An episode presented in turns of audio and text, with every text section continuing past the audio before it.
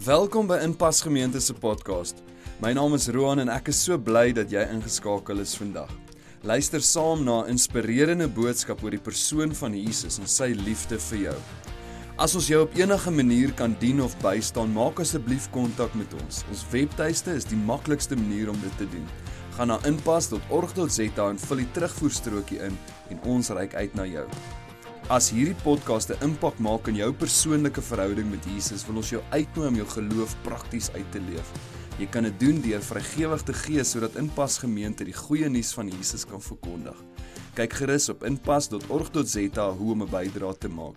En nou, sit gerus terug en geniet die boodskap. Ons is vandag in die laaste deel van hierdie reeks waar ons praat oor die hart, nie die fisiese hart nie, maar wel daai deel van jou lewe wat jou verhoudings beïnvloed, jou woordeskat, jou kollegas, die konteks van jou gesin ensovoorts en wat eintlik maar effek het op ons hele lewe. So ons gaan daaroor praat vandag, maar voordat ek die laaste deel aanpak, wil ek graag ook net uh jou aandag rig op volgende week.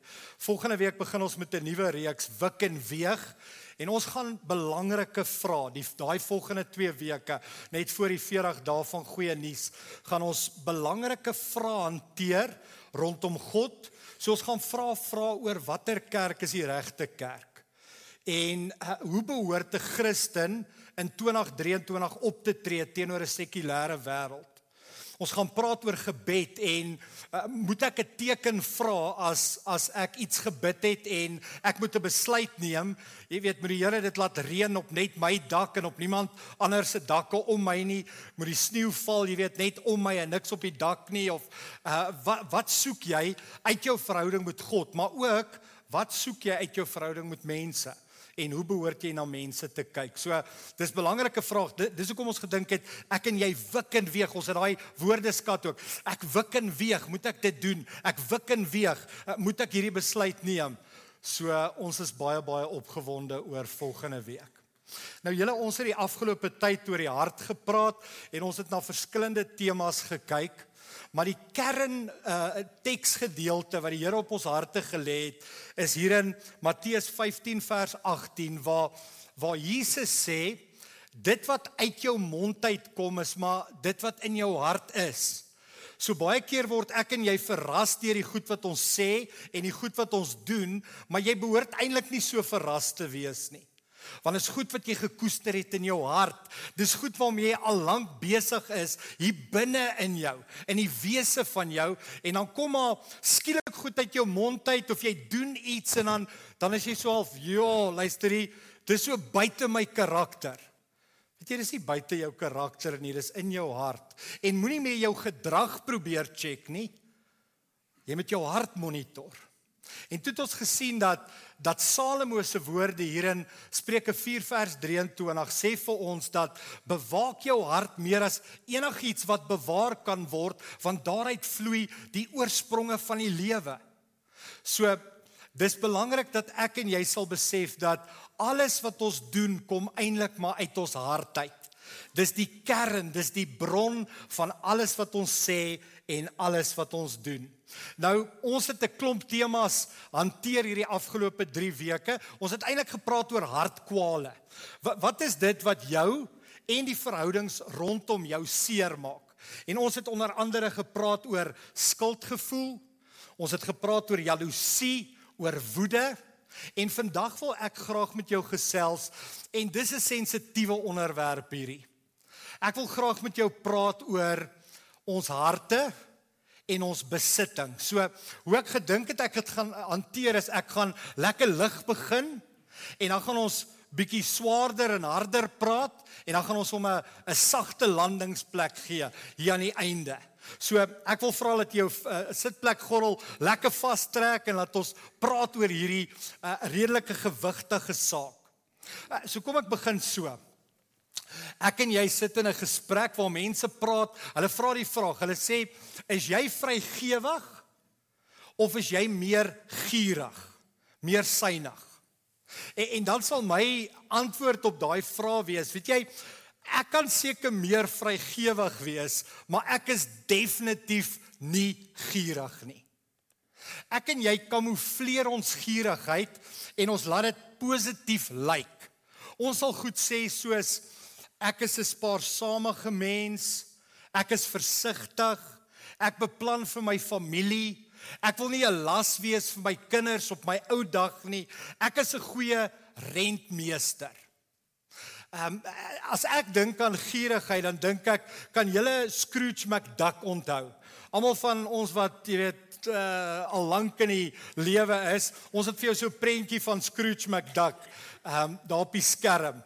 Uh, jy sal hom onthou. Dis die ou wat op sy goud sit en sy geld sit.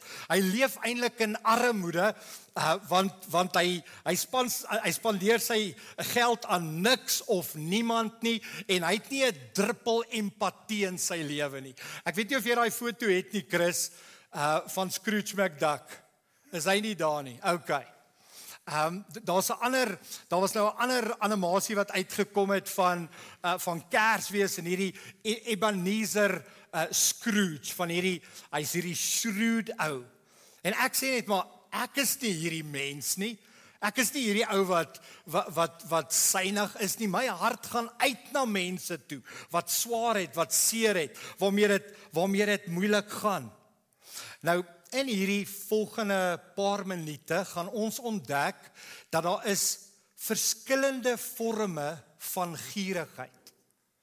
En as jy ehm um, gierig is op 'n op 'n sekere manier, dan gaan jy jou finansiële, jy gaan jou finansies verkeerd spandeer en hanteer en dit gaan die mense om jou seermaak. So ek wil graag hierdie beginsel met julle deel. Dis die beginsel van gierigheid is nie 'n finansiële probleem nie. Gierigheid is 'n hartsprobleem. So jy, jy moet nie dink vandag o Um, en, en miskien is jy vir 'n lang tyd nie nou in die kerk gewees nie. Jy sit vandag in die kerk en een van jou rookskerms, een van jou verskonings, hoekom jy nie kerk toe kom nie is die kerk praat net oor geld, geld. Hierdie is nie 'n hierdie is nie 'n gesprek oor geld nie. Hierdie is nie 'n gesprek oor finansies nie. Hierdie is 'n gesprek oor jou hartskondisie en elke nou en dan kom daar iets gierigs uit jou lewe uit. Dis nie 'n finansiële probleem nie. Dis vir my en jou 'n hartsprobleem. Geld is net 'n simptoom. 'n Geld wil ek amper sê is net die manifestasie daarvan. Nou God se woord gaan vir my en jou insig gee van hoe ek en jy hierdie saak moet hanteer en hoe ek en jy uh, van hierdie probleem ontslae kan raak. En as jy nie dink jy het 'n probleem nie, glo my die mense om jou dink jy het 'n probleem. Daar's mense by jou werk of mense selfs in jou huis wat sal sê My pappa of my mamma, dit gaan vir hulle oor die goed. Dit gaan vir hulle oor hulle besittings, hulle huis, hulle karre, hulle geld, hulle posisie, hulle status en hulle is liewer vir daai goed as wat hulle is vir my. Nou Jesus gee 'n definisie van gierigheid hier in Lukas. En ek wil hê ons moet kyk na hierdie definisie. Hoor wat sê hy? Toe sê hy vir hulle: Pas op en wees op julle hoede vir elke vorm van gierigheid. So Jesus praat groot. Hy hy hy hy, hy sit 'n gewig aan hierdie ding. Hy sê ouens, wees op julle hoede. Want daar's nie net een vorm van gierigheid nie. Daar's 'n klomp verskillende forme van gierigheid. Ehm um, so jy sê onmiddellik, maar ek is nie die Scrooge tipe nie, Paul. Ek ek het vir jou gesê my hart gaan uit na mense toe en en ek het deernis vir mense. Nou Jesus gee vir ons 'n voorbeeld in hierdie tweede gedeelte eh, wat hy sê julle dalk nog nooit gedink aan hierdie tipe gierigheid nie. So kom ek kom ek lees vir jou daai tweede gedeelte. Hy sê want 'n mens se lewe bestaan nie uit die oorvloed van sy besittings nie. Hy sê daar's 'n tipe gierigheid wat maak dat ek die volgende sê: My lewe is gelyk aan my besittings. So as daar aliens van die buitery moet kom en hulle en hulle hou ons dop, dan gaan hulle sien dat hierdie mense se lewens gaan net oor die goed wat hulle koop die goed wat hulle shop. As hulle nie kan shop nie, kan hulle ook nie lewe nie. En hulle het vir hulle sulke hoë weer gebou na sulke groot geboue toe met 'n klomp winkels in en hulle spandeer al hulle geld in daai winkels. En as hulle nie hulle geld in daai winkels kan spandeer nie, kan hulle ook nie lewe nie. Dis hoe hulle survive, dis hoe hulle oorleef, dis hoe hulle aan die gang bly. Hulle het nodig om na 'n winkel toe te gaan, goed te koop. Môre moet hulle weer na daai winkel toe gaan. Ons is seker dis die manier hoe hulle asemhaal. Dis hoe dis hoe hulle lewe. Dis hoe hierdie ouens aan die gang bly. Hulle is afhanklik van meer klere, meer skoene, meer karre, meer TV's en nou het hulle hierdie klein toestel waarin hulle amper elke dag vir hoeveel ure instaar en kyk en speel. As hulle nie iets het om hulle goed op te spandeer nie, dan kan hulle nie aan die lewe bly nie. Dis hoe hierdie ouens survive. So, hy sê daar's 'n vorm van gierigheid waarvan ons ons hele lewe onbewus kan wees. Ek is wat ek het. Meer, beter, nuwer, ek moet dit hê. Hy sê en dan dan kom maar iemand jou pad langs wat wat vra vir 'n R500 donasie en dan sê jy vir daai persoon maar daar's nie 'n sent in my bankrekening oor nie. Maar jy het nou net 3 ure spandeer op 'n kreatiewe manier om om 'n om op 'n manier 'n 'n nuwe kar te finansier of om jou huis te herfinansier. Ek spandeer baie energie, baie tyd, baie geld om my leefstyl beter te maak, maar ek het ongelukkig nie R500 kontant nie, so ek moet eerder nie dit spandeer nie. Maar dit het my nie gekeer om iets anders te koop nie. Ek het nie geld gehad om 'n TV te koop nie, maar dit het my nie gekeer om my TV te koop nie. Ons het nie 'n probleem met spandeer nie. Ons het 'n probleem met gee. En dis die koppeling wat hy maak aan gierigheid. Jy is gierig as jy skuld maak om goed vir jouself te koop, om die geld op jouself te spandeer, maar jy kan nie vir 'n groter doel, 'n groter missie, iets wat groter is as jouself gee nie. Hy sê wat is dit? Dis gierigheid. Wat ek het is my lewe. Nou, julle, dis 'n probleem vir ons almal en vir myself. En volgens Jesus is dit nie 'n eenvoudige klein probleempie nie. Uh, Jesus se woorde is nie maklik nie. Hy sê dis groot, dis moeilik, dis ingewikkeld. Uh, hy sê woorde soos pas op en wees op jou hoede. Wanneer jy nie sonder daai ding kan gaan nie. Ek moet vroeg loop by die werk om dit te kry. Ek moet voor in die ry staan om dit te kry. Ek moet eerste wees. So jou vrou trek die kar uit en sy stamp jou kar teen jou hek.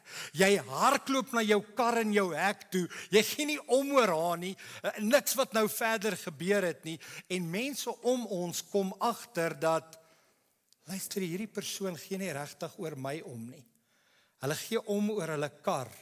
Uh, nou toe ek in ehm um, ek wil nie nou sê waar ek was nie, maar ek het saam met 'n vriend gery en ons het in 'n inkopiesentrum ingery en ons het soos 'n kilometer van die ingang af gestop waar daar niks karre is nie en ek sê vir hom, "Hoekom doen jy dit?"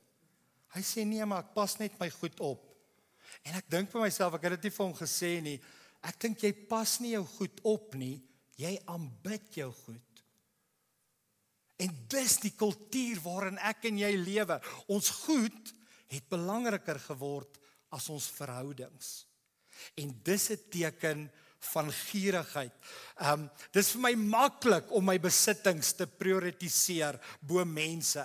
Wat noem ek dit? Gierigheid. Ek lewe my lewe asof ek nie sonder dit kan leef nie. Wat is dit?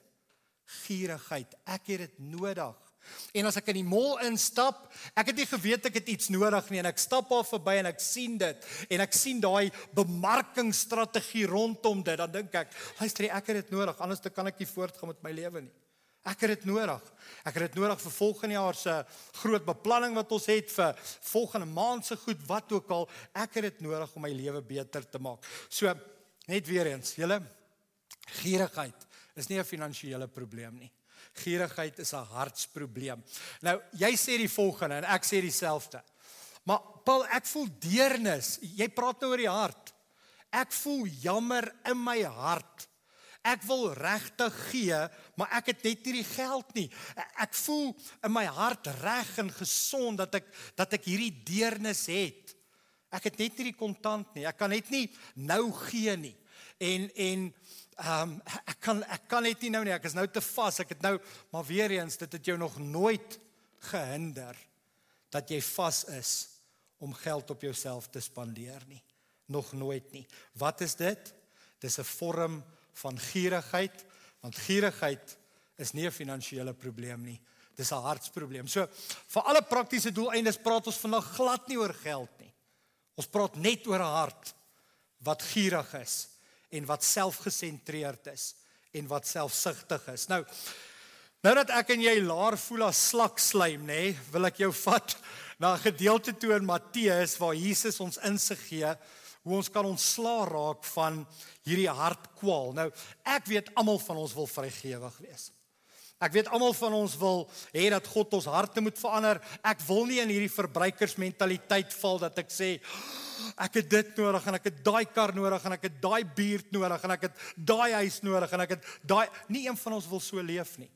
Dis nie die manier jy jy wil nie leef op goed wat jy sien, ek wil dit hê, ek begeer dit, ek is jaloers daarop, ek is synig daaroor ensovoorts nie. Ek en jy soek 'n vrygewige hart, ons soek nie 'n gierige hart nie.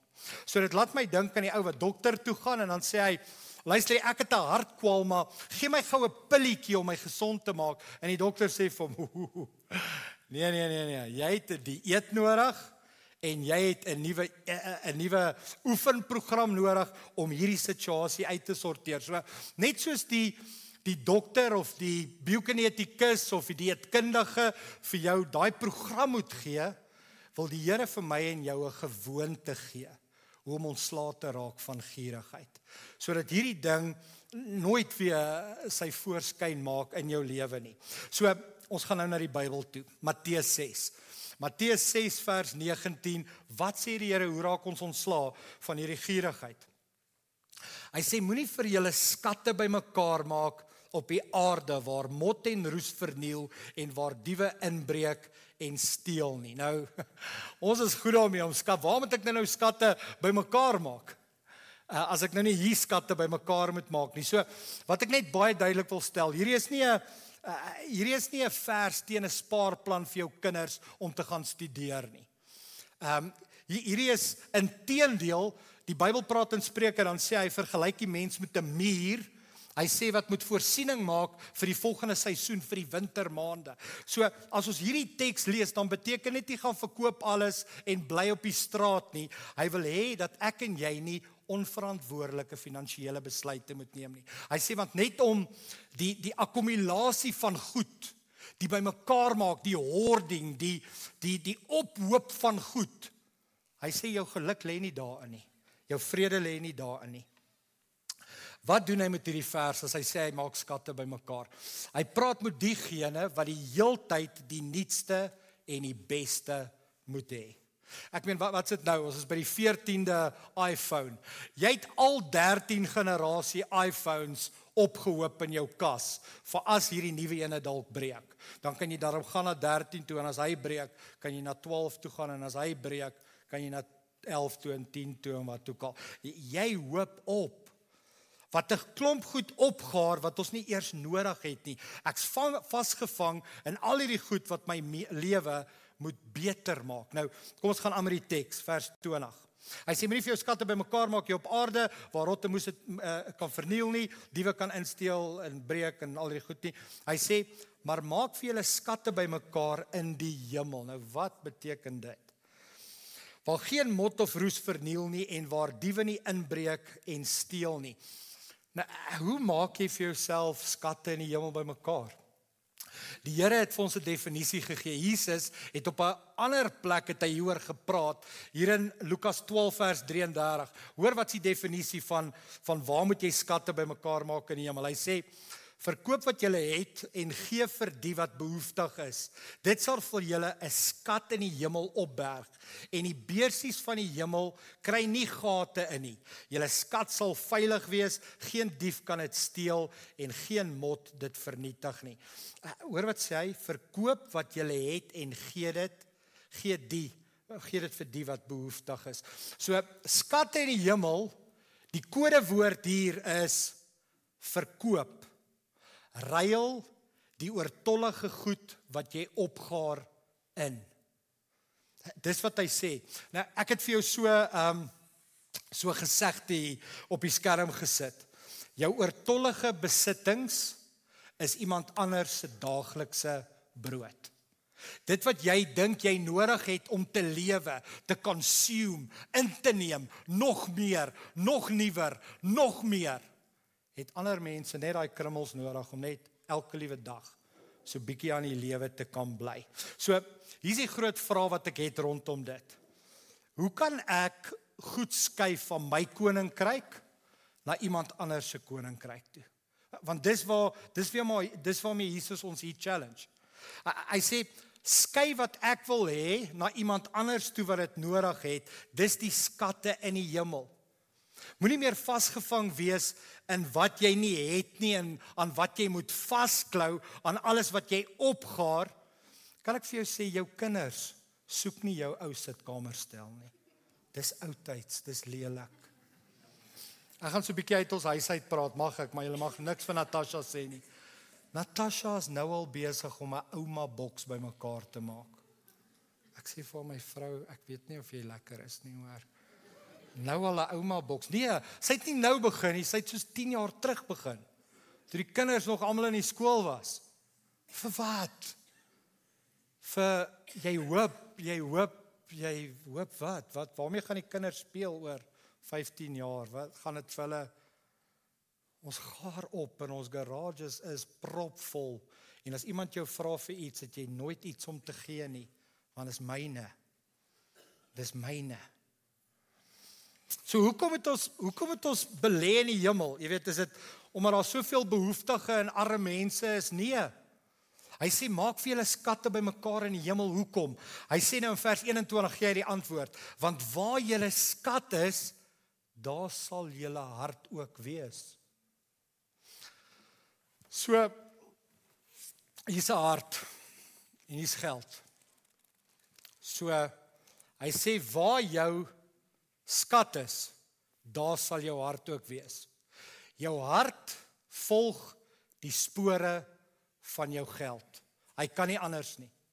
Dis waar hy gaan. So as ek net vir die persone wat nou daar op die op die kamera is, as ek hierdie kant toe gaan, raai waarna toe met my waarna toe met my hart gaan. Hy kan net in hierdie rigting ingaan. Hy kan nie na 'n ander plek toe gaan nie. Jy kan nie sê ek gee hier, ek spandeer hier, ek belê hier, maar my hart, ag nee, voel niks nie. Daar waar jou kinders op skool is, daar waar jy hulle skoolfonds betaal, daar waar jy dalk ietsie ekstra gee vir die verhoog wat gebou word of die paviljoen of wat ook al en wie se naam gaan nie opkom en gaan daar een aand 'n een of ander seremonie wees waar mense se name net genoem word, wat ook al, waar's jou aandag? Waar's jou hart by daai skool? En waag dat iemand iets negatief sê oor daai skool want dis jou kinders se skool, dis waar jy belê.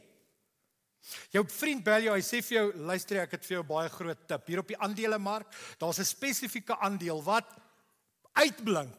Hy doen so goed. Jy het nodig om te belê in daai aandeel. Jy het jou geld daarna toe geskuif, jou skat. Ewe skielik is jy in die aandelemark. Jy het nog nooit voorheen na aandele gekyk nie. Jy weet nie eens wat daai company doen, wat wat daai aandeel verteenwoordig nie. Maar jy's oggend, middag, aand is jy op jou rekenaar besig om aandele te check. Uh, die van ons wat so 'n uh, bit is dit Bitcoin, hè, nee, ja Bitcoin. Ja, luister ek het ingekom toe hy toe hy net 2000 dollar was. Nou is hy al 35000 dollar. Al wat jy kyk, al wat jy bid, al wat jy hoop, al wat jy begeer is Bitcoin aandele, my kinders se skool. Julle want dit is die beginsel wat Jesus vir ons sê. Waar jou skat is, volg jou hart. En jy moet dit maar weet. Hy sê so die enigste manier hoe jy dit kan verander is Jy moet jou besittings skuif.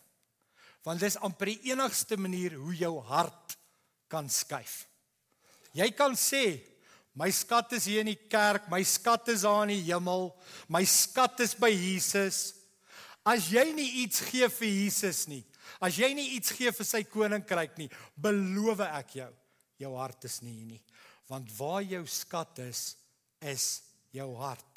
Daar waar jy gee, daar waar jy finansiëel betrokke is, daar waar jy spandeer, daai nuwe rekenaar of daai nuwe iPhone of daai nuwe projek waarin jy nou belê het, daai nuwe besigheid, jy sal 7 dae 24 uur elke liewe week, elke liewe dag daar tyd spandeer want daar oh, het 100 000 rand ingegaan. En nou, dis waar my energie is. Dis waar ek my tyd spandeer. En die Here sê Die enigste manier hoe jy vry hoe jy gierigheid gaan breek en hierdie skat gaan verander is jy moet die rigting van jou geld verander. So 'n goeie indikasie is seker jou bankstaat.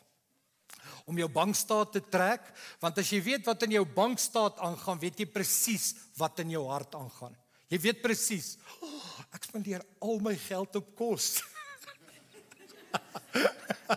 Dis seker waar my skat is. Ek neem aan nê? Nee? Of ek spandeer al my geld op vakansie, of ek spandeer al my geld op my vrou of my kinders of wat ook al. So so dis die rigting waarin jou hart gaan en jy verwag van van ons baie keer en jy verwag van jouself om 'n gebedjie te bid. So nou moet ons 'n gebedjie bid. Ouens bid gou agter my aan.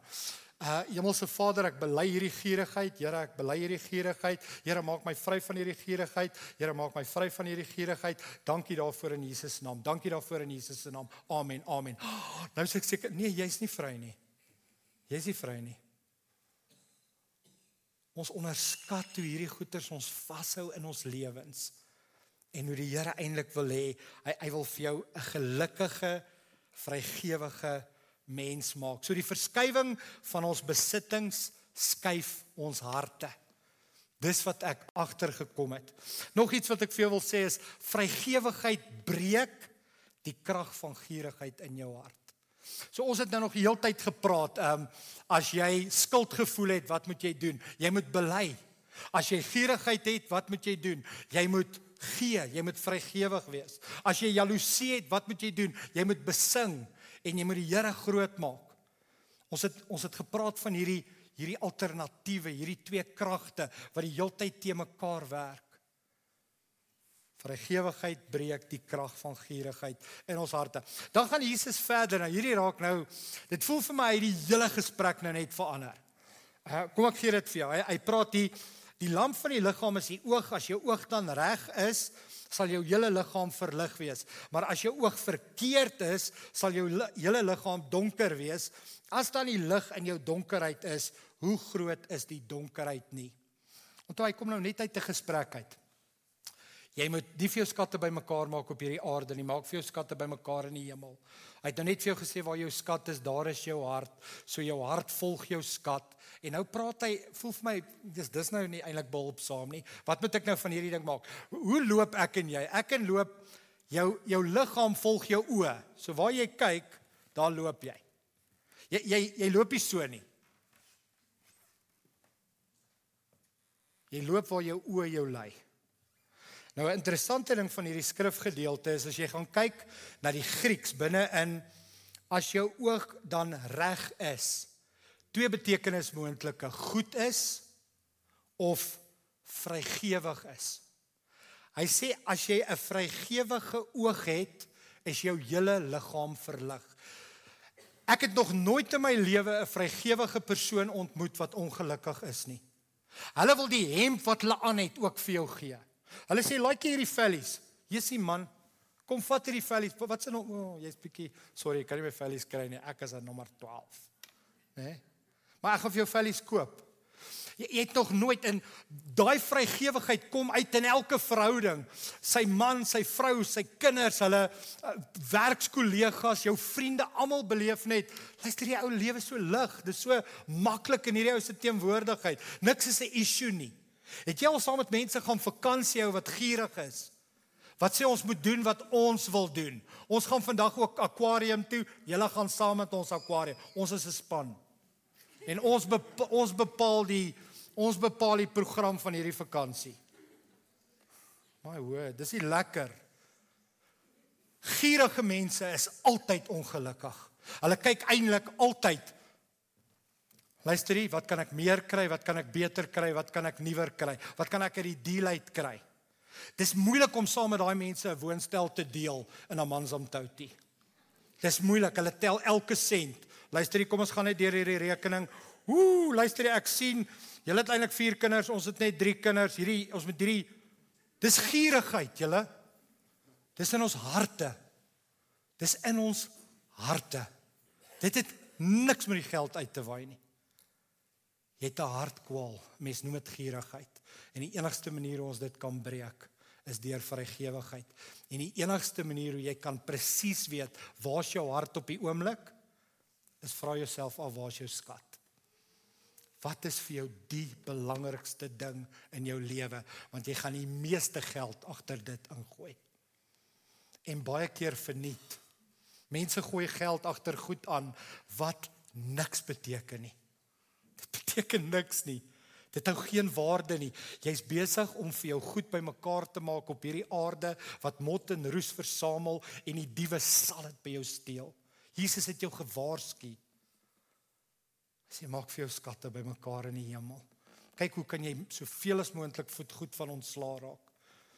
En en skuif jou geld in die rigting dat die Here toelaat dat hy laat hy jou lewe verander. Nou, ek dink vir my altyd met hierdie preek en onthou ek is ook hierdie woord is vir my ook. Sien net vir vir julle nie. Hierdie is 'n harde woord vir my vandag. My vraag is altyd hoe werk dit prakties in my leefstyl? Wat, wat beteken dit? Gaan ek nooit weer 'n nuwe iPhone kry nie? Is ek stak met hierdie Nokia 3610? Gaan ek nooit weer op vakansie mag gaan nie? Party van julle sê ek is net so bly my man is nie saam met my in die kerk nie. Oh.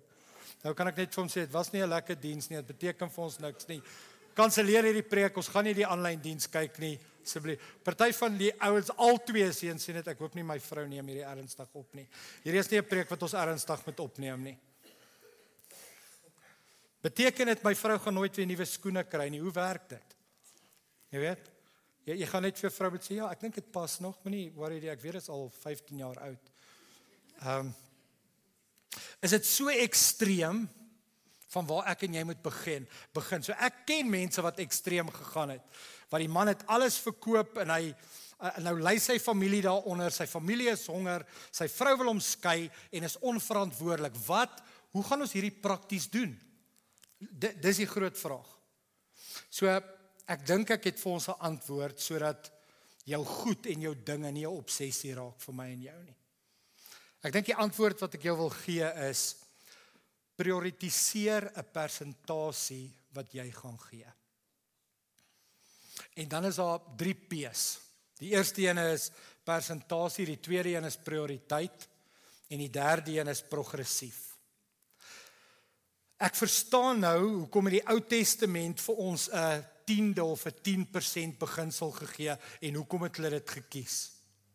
Nou in my lewe vandat ek tot bekering gekom het, is 10% vir my belangrik. Dis vir my belangrik om dit te gee. En en, en dit het my gehelp nog my nog my hele Christian walk om 'n om om die Here te vertrou en die Here in te trek en saad in die grond te hê en te weet dat luister hier dis nie myne nie ek rig my lewe in op 90% van my inkomste Maar maar jy's dalk nie daar nie en dan moet jy kies. Onthou jy's kreatief van hoe jy jou huis gaan finansier, hoe jy solarpanele op jou dak gaan sit en vir jou 'n inverter gaan installeer. Jy's kreatief oor hoe jy dit gaan herfinansier om al hierdie vakansies te hou wat jy graag wil doen. So nou moet jy kreatief wees en sê, "Hoe gaan ek kreatief 'n persentasie gee vir die werk van die Here?" En hoe gaan ek 'n persentasie begin belê? In die ewigheid en in die hemel. Ek dink die tweede ding is jy moet dit 'n prioriteit maak. Voordat ek my koninkryk bou, bou ek God se koninkryk. Voordat ek my foon upgrade, upgrade upgrade ek God se koninkryk en sy wil vir mense vir hulle lewens. Eers ander dan ek. As ek my besittings skuif, skuif my hart. Ek stel ander bo my. Hierdie is so kontrakultuur julle. Maar maar dis waarna toe Jesus ons roep. En dan progressief. Hoe lank terug het jy 'n gesprek met die Here gehad dat hy met jou kom praat en jou oortuig van hom iets te gee, meer as wat jy gewoonlik gee? Ek dink nou terug toe ek 18 was, wat het ek verdien? 2000 rand, ek dink ek het met 2000 rand begin of met 1500 of wat ook al en toe was dit maklik dink ek om 200 rand te gegee het. Maar my vraag is wat gaan ek wat gaan die Here my moet gee vir my om 20000 rand 'n maand te gee? Gaan hy my salaris moet opskuif na 200000 toe? Dis 'n verleentheid. Ek's nie 'n baie goeie belegging nie. Jy weet as as ek by die Here kom en sê, luister, u verwag nou ek moet iets gee, maar dan u moet u moet begin gee. U moet begin doen. Progressief beteken dit wat ek gegee het toe ek 18 was, kan ek nie nou meer gee nou dat ek 48 is nie. Kan jy nog doen jy nog dieselfde goed wat jy gedoen het toe jy 18 was as wat jy nou doen op 48? Nee, doen nie. Jy het progressief aangepas, jy het groot geword, jy het volwasse geraak. Die enigste manier hoe ek en jy in 'n gewoonte kan kom is ons moet die dieetplan uithaal en ons moet die die oefeninge begin doen en ons moet die gewoonte begin aanleer van prioritiseer 'n persentasie van wat jy gaan gee. En nie meer toe te laat dat die advertensies wat ons pad kruis ons so met ons koppe smokkel dat ons naderhand sê maar dis wat ek nodig het. En as jy nou sê, maar luister hier's iets wat hier my opstaan, iets wat my kwaad maak. Weet jy wat is dit? Dis daai monster van gierigheid. Wat jy in die wat jy ek wil amper sê in die kiem moet smoor. Dit dis dis iets wat wakker geraak het vandag want want ons praat nie baie oor gierigheid en en jou hart wanneer dit kom by jou besittings nie. En ewe skielik praat ons daaroor en hierdie ding hier binne in jou sê net nee, hierdie hierdie is nie 'n diens vir my nie. Dis daai monster wat ek en jy al so lank kos gegee het. En as jy vandag nie is hier by ons gemeente, wil ek jou asseblief, ek wil vir jou sê, moet asseblief nie by ons gee nie. Maar ek wil jou double dare om eers 'n persentasie te kies en dit eers te gee. En dan wil ek vir ons lidmate sê, as jy my nie vertrou nie en jy vertrou nie ons gemeente nie, moenie gee nie.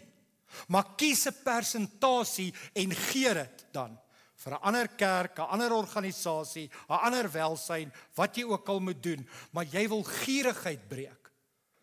Dis waaroor hierdie preek gaan.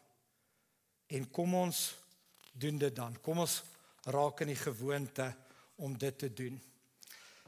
Ek gee dit weg voordat ek dit gee vir Menlyn en gaan rondloop, 'n nuwe goed ontdek wat ek nodig het, wat ek nie eens geweet het ek nodig het nie. Ek gaan nie met hierdie gierigheid in my hart langer lewe nie.